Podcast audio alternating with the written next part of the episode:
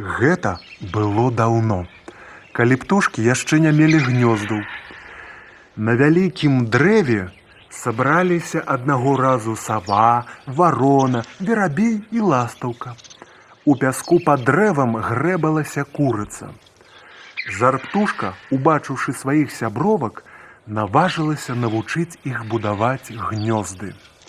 Прысела да іх на галінку і прамовіла. Кожны з вас павінна быць гняздо, але навучыцца будаваць яго непроста. Як і ўсякая навука, гэта патрабуе шмат цярплівасці, настойлівасці, увагі, інакш нічога не выйдзе. Але не даказала яна гэтыя словы, як курыца пачала кляваць носам і тут жа заснула. Сава, вылупіўшы круглыя жоўтыя вочы, сонна пазірала на жар птушку. Задужа стракатыя пер'я у гэтай жар птушкі і занадта прыгожы голас. Хіба такая красуння можа чаму-небудзь навучыць? Дарэмна я прыцягнулася сюды, і яна гучна зарагатала. Совы заўсёды рагочуць, калі ім што-небудзь не падабаецца і адляцела.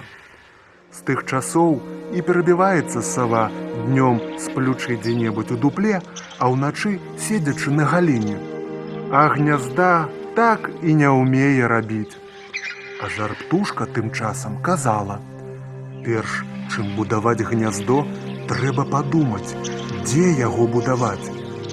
Добра выбраць на дрэве галіну з трыма развілкамі, потым назбіраць дубчыкаў і памагаючы сабе дзюбай і лапамі сагнуць іх, класці адзін на адзін.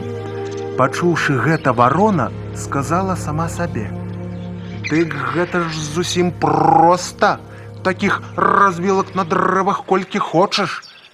Варона лічыла сябе самаю разумнаю і была рада, што яна першая ўцяміла, што такое гняздо, і тут жа пракаркала: Кар, кар!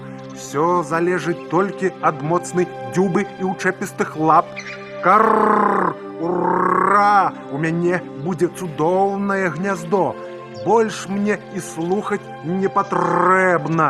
Я ўсё і так ведаю. І каркнуўшы яшчэ раз, яна адляцела. З тае пары варона робіць сабе гняздо. Але якое гэта гняздо? Тоўстыя дубцы тырчаць з яго на ўсе бакі. Вецер прыдзьмае яго наскрозь, дождж палівае яго зверху. А жар птушка тлумачыла далей. Гняздо можна, але зусім не абавязкова будаваць на развілцы галін. Яшчэ лепш звіць яго пад страхою хаты, дзе не будуць страшныя ні дождж, ні снег. Мітуслівы верабей, які не мог уседзець на адным месцы і ўсё пераскокваў з галінкі на галінку, тут не ўстрымаўся. Вось і добра, падумаў ён, палячу хутчэй, каб гэтай птушкі не занялі ўсе падстрэшша. І ён пырхнуў, нават забыўшыся чылікнуць на развітанне.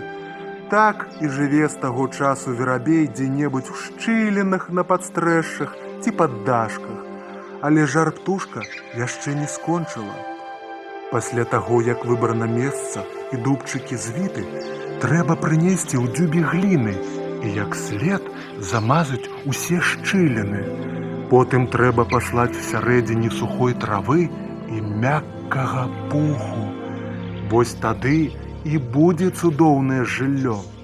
Жартушка змоўкла.